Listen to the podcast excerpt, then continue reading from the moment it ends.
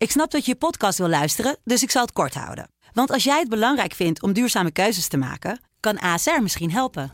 Nou hoor ik je denken, hoe dan? Nou, bijvoorbeeld bij het duurzaam herstellen van schade. Of de premies die we beleggen volgens ons duurzaam beleggingsbeleid. Dat bepaalt waar we wel en juist niet in investeren. Wil je meer weten over welke duurzame keuzes ASR maakt? Ga dan naar asr.nl/slash duurzame keuzes. ASR doet het. Zo, dan kan je nu lekker naar je podcast luisteren. Ken je Eva? Eva is een vrouw die in het verleden niet de beste keuzes maakte als het op de mannen aankwam. Na de laatste teleurstellende relatie en het moeten opgeven van haar kinderwens besluit ze dat het helemaal anders moet. Een vaste relatie, daar is ze klaar mee. En dus is Eva aan het daten geslagen. Dit is het Dagboek van Eva. Een podcast van Vrouw. Maandag. Verknipt dus. Hij is hartstikke verknipt. En hoewel ik daar bijzonder weinig van merk, liegen de feiten er niet om. Frank is niet vrijwillig van school gegaan. Hij is gevlucht. Gevlucht met zijn ouders. Afgelopen weekend vertelde hij mij wat er nou gebeurd was. Waarom hij van de ene op de andere dag verdwenen was. Zijn vader was een fraudeur en niet zo zuinig ook. Diverse schuldeisers, de politie en de Belastingdienst hadden hem op de hielen gezeten. In plaats van boete te doen voor zijn stommiteiten, heeft de man zijn gezin in een auto gezet en zijn ze letterlijk weggereden voor de problemen. Ook in de landen waar ze in hun vlucht terechtkwamen, wist zijn vader zich iedere keer weer in de nesten te werken. Het gezin ging van straatarm naar schatrijk en weer terug. Mijn jeugd is extreem instabiel geweest. En als de spanningen te hoog opliepen, dan uitte hij dat op ons. We hebben wat klappen van die man gehad. Ik ben blij dat hij dood is. Hij zei het sterk, maar ik vond het ontzettend verdrietig en zielig om te horen. Ze hebben in talloze landen gewoond en lang een zwervend bestaan vol leugens geleid. Dat Frank zelf ook niet lang op één plek kan blijven, is daarmee verklaard. Ik kan me alleen niet voorstellen dat hij geen enorme tik van de molen van het hele gebeuren heeft gekregen.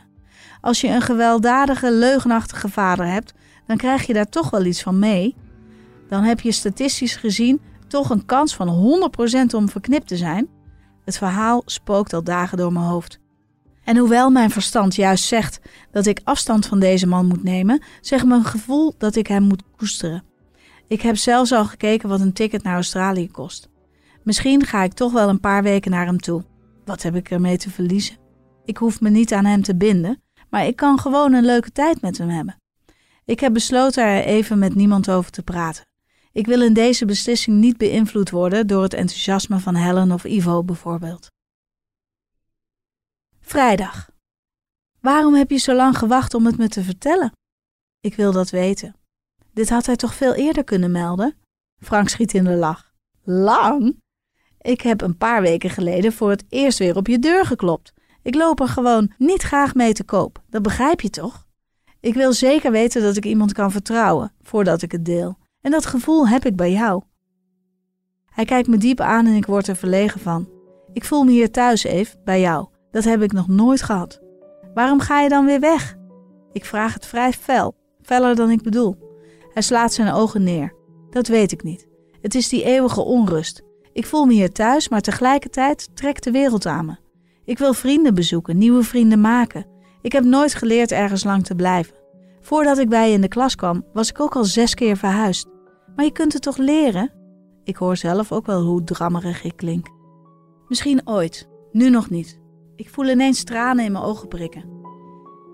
Ik ga met je mee, zeg ik dan. En direct daarna begin ik te huilen.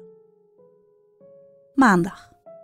Helen gilt in mijn oor. Net zoals Ivo deed toen ik hem belde om te vertellen dat ik voor een paar weken meega naar Australië met Frank.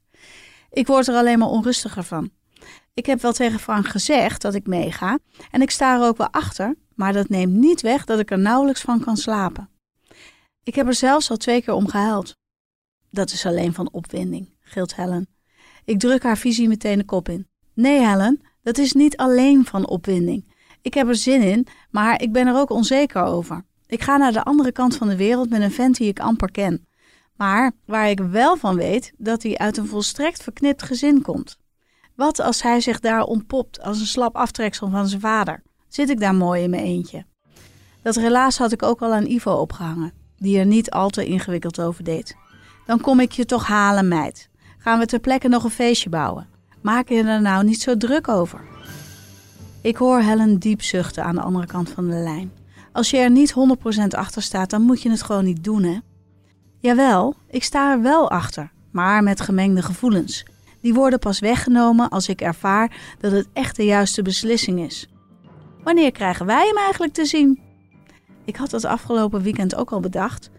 Ik kan niet vertrekken zonder dat ik mijn beste vrienden uitgebreid kennis heb laten maken met hem.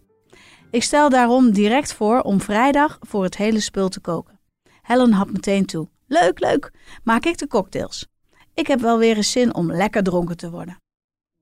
Vrijdag. Het was een topavond. Ik had Ivo, Helen en Boris van tevoren op het hart gedrukt om niet over Franks verleden te beginnen, maar dat deed hij na drie van Helens mierzoete cocktails zelf. De hele tafel was stil en luisterde aandachtig. Ik vond het fijn dat het besproken werd, anders had het toch maar in de lucht blijven hangen. Ik spoel nog wat glazen om terwijl Frank in de woonkamer de kamer weer een beetje fatsoeneert. Wat een schatje is Ivo, zeg. Ik schiet in een lach. Ik merk aan alles dat Ivo Frank wel zag zitten. Waar hij zich normaal gesproken nogal pittig op kan stellen, was hij nu uitermate lief. Ja, Ivo is heel leuk. We kennen elkaar nog niet zo lang, maar het voelt als een eeuwigheid. Frank staat inmiddels naast me en trekt de vaatdoek uit mijn handen. Ik verdrink in zijn mooie ogen en voel de wereld onder me draaien. Je hebt te veel te dronken, lieve vrouw, fluistert hij in mijn oor. Ik kan er niets tegen inbrengen. Langzaam trekt hij me mee de slaapkamer in. En daar laat ik me lang uit op het bed vallen. Eigenlijk was ik van plan om heel snel te gaan slapen. Ik heb morgenlijk redelijk bij tijd een afspraak en ik wil niet al te verrot mijn bed uitkomen. Maar als ik voel hoe mijn jurkje door Franks grote sterke handen langzaam omhoog wordt geschoven, besluit ik om die plannen nog maar even uit te stellen. Dinsdag. Altijd als ik op vakantie ga, krijg ik de ziekelijke behoefte allemaal onzinnigheden te kopen. Alsof er in het land waar ik naartoe ga geen winkels zijn. Maar nu ga ik bijna een maand weg en dat maakt me extreem onrustig.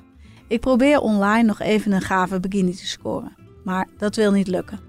Lieve vrouw, als je ergens goed voor bikinis kunt slagen, is het Australië wel, volgens mij. En neem nou ook geen koffers vol mee, hè? Daar loop je alleen maar mee te zeulen. Ik ben ergens blij met deze praktische tip van Frank.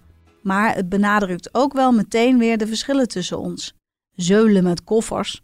Ik ben meer het type koffers worden keurig uitgepakt in het hotel en pas weer ingepakt voor de terugreis.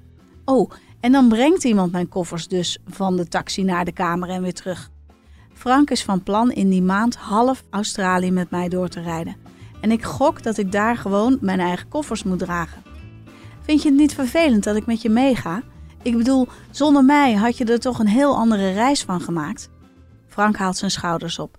Ja, het zal anders worden dan aanvankelijk gepland, maar ik vind dit ook leuk. En daarbij blijf ik natuurlijk nog een paar maanden langer. Dan kan ik altijd nog doen wat ik zelf wil.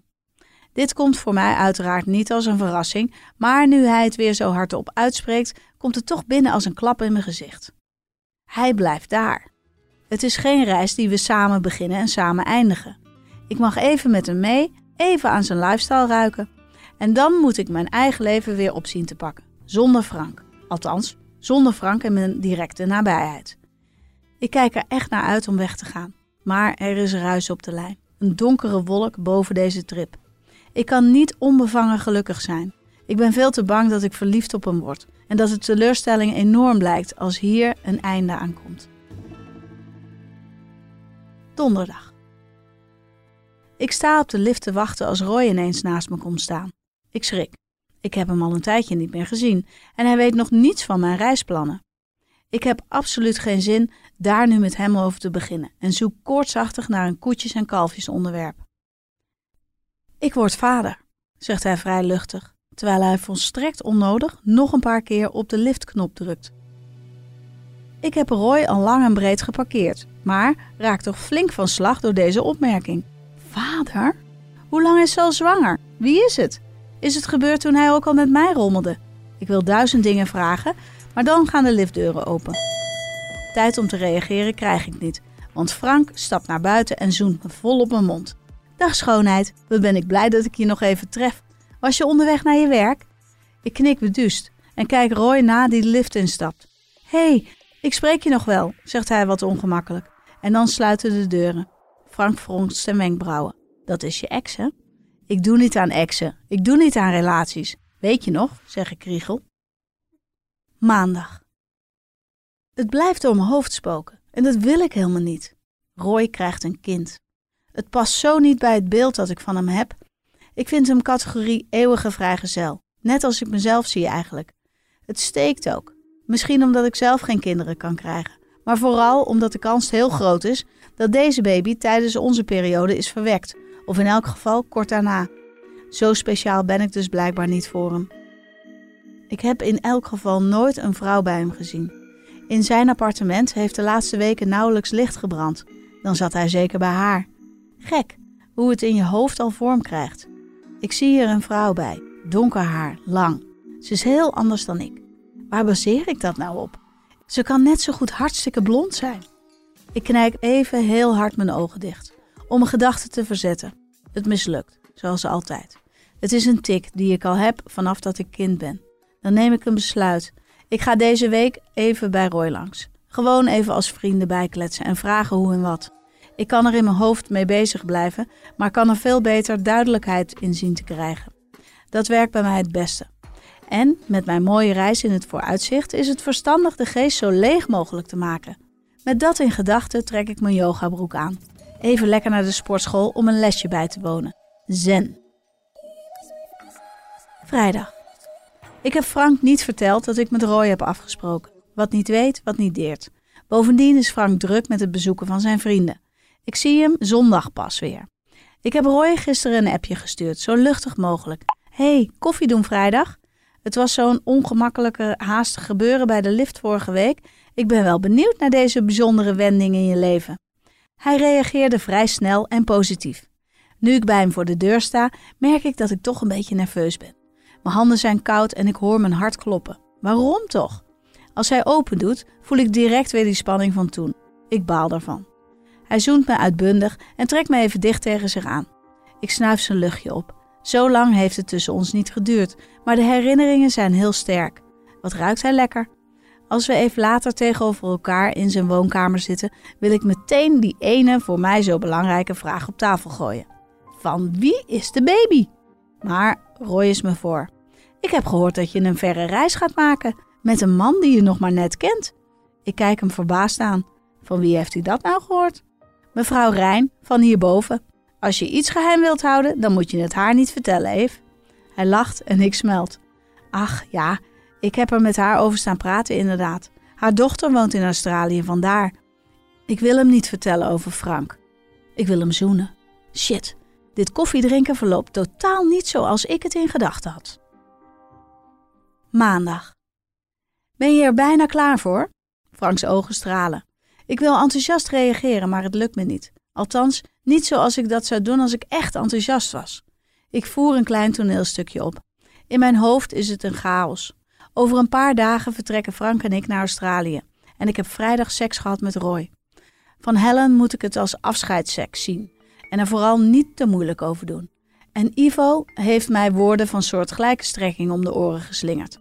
Ik wilde het niet. Ik wilde alleen maar weten met wie hij een kind kreeg. Maar toen ik hem zag, rook en voelde, wilde ik de liefde met hem bedrijven. Je hebt gewoon voor jezelf even een punt willen maken, zegt Helen. Even laten zien dat je Roy ook nog wel kunt krijgen. Daar moet je alleen wel mee ophouden. Je gaat het nu een kans geven met Frank. En het is naar hem niet eerlijk toe als jij je telkens als je met andere mannen bent niet onder controle kunt houden. Je bent geen vrijgezel meer, hè? Ivo duwt mij een hoekje in waar ik helemaal niet in wil staan. Ik wil geen relatie. Ik vind het prima om een paar weken met Frank door Australië te reizen, maar ik ga met deze man never nooit het ideale plaatje vormen. Hij blijft vluchten namelijk. Of de wereld ontdekken, zoals hij het liever zelf noemt. Met dat in gedachten kan ik me gewoon niet 100% geven. Want als ik echt verliefd word, als ik echt van hem ga houden, dan zal ik er uiteindelijk heel, heel veel verdriet van krijgen. Ik ben vast voer voor psychologen, heb ik al een paar keer bedacht. De single die zich aan niemand wil binden. Ondertussen weet ik alleen niet of ik er wel verstandig aan doe om overmorgen mee te gaan. Helen en Ivo explodeerden toen ik mijn twijfels voorzichtig uitte. En ze hebben ook wel gelijk. Mocht het om wat voor reden dan ook niet worden wat ik ervan verwacht, ga ik gewoon terug. Of ik zit de rit uit, zo lang ga ik nou ook weer niet. En dan ben ik wel weer een ervaring rijker. Nu ik mezelf dit allemaal heb ingeprent, voel ik weer wat ruimte in mijn hoofd komen. Ik maak er gebruik van door Frank bij zijn hand te pakken en mee te trekken naar mijn bed. Daar hebben we, naast de half ingepakte koffer, geweldige seks. Ik geniet van zijn sterke lijf en zijn zoete geur. Als hij niet zo'n zwerver was, dan zou ik best met hem kunnen trouwen. Woensdag. Helen en Ivo hebben ons samen naar Schiphol gebracht. Zo lief. Ze deden allebei hun best om het afscheid zo luchtig mogelijk te houden. Het zou me niets verbazen als ze van tevoren contact met elkaar hebben gehad om een strategie uit te rollen. Ze waren allebei als de dood dat ik last minute gillend weg zou rennen. Maar nu is dat geen optie meer. We zijn zojuist opgestegen en hebben een hele lange reis voor de boeg. Frank knijpt in mijn hand. Ik vind het zo gaaf dat je met me meegaat. Ik reis al mijn hele leven alleen. Ik weet gewoon niet wat me overkomt. Wil je de volgende aflevering van het dagboek van Eva niet missen? Abonneer je dan in je favoriete podcast-app.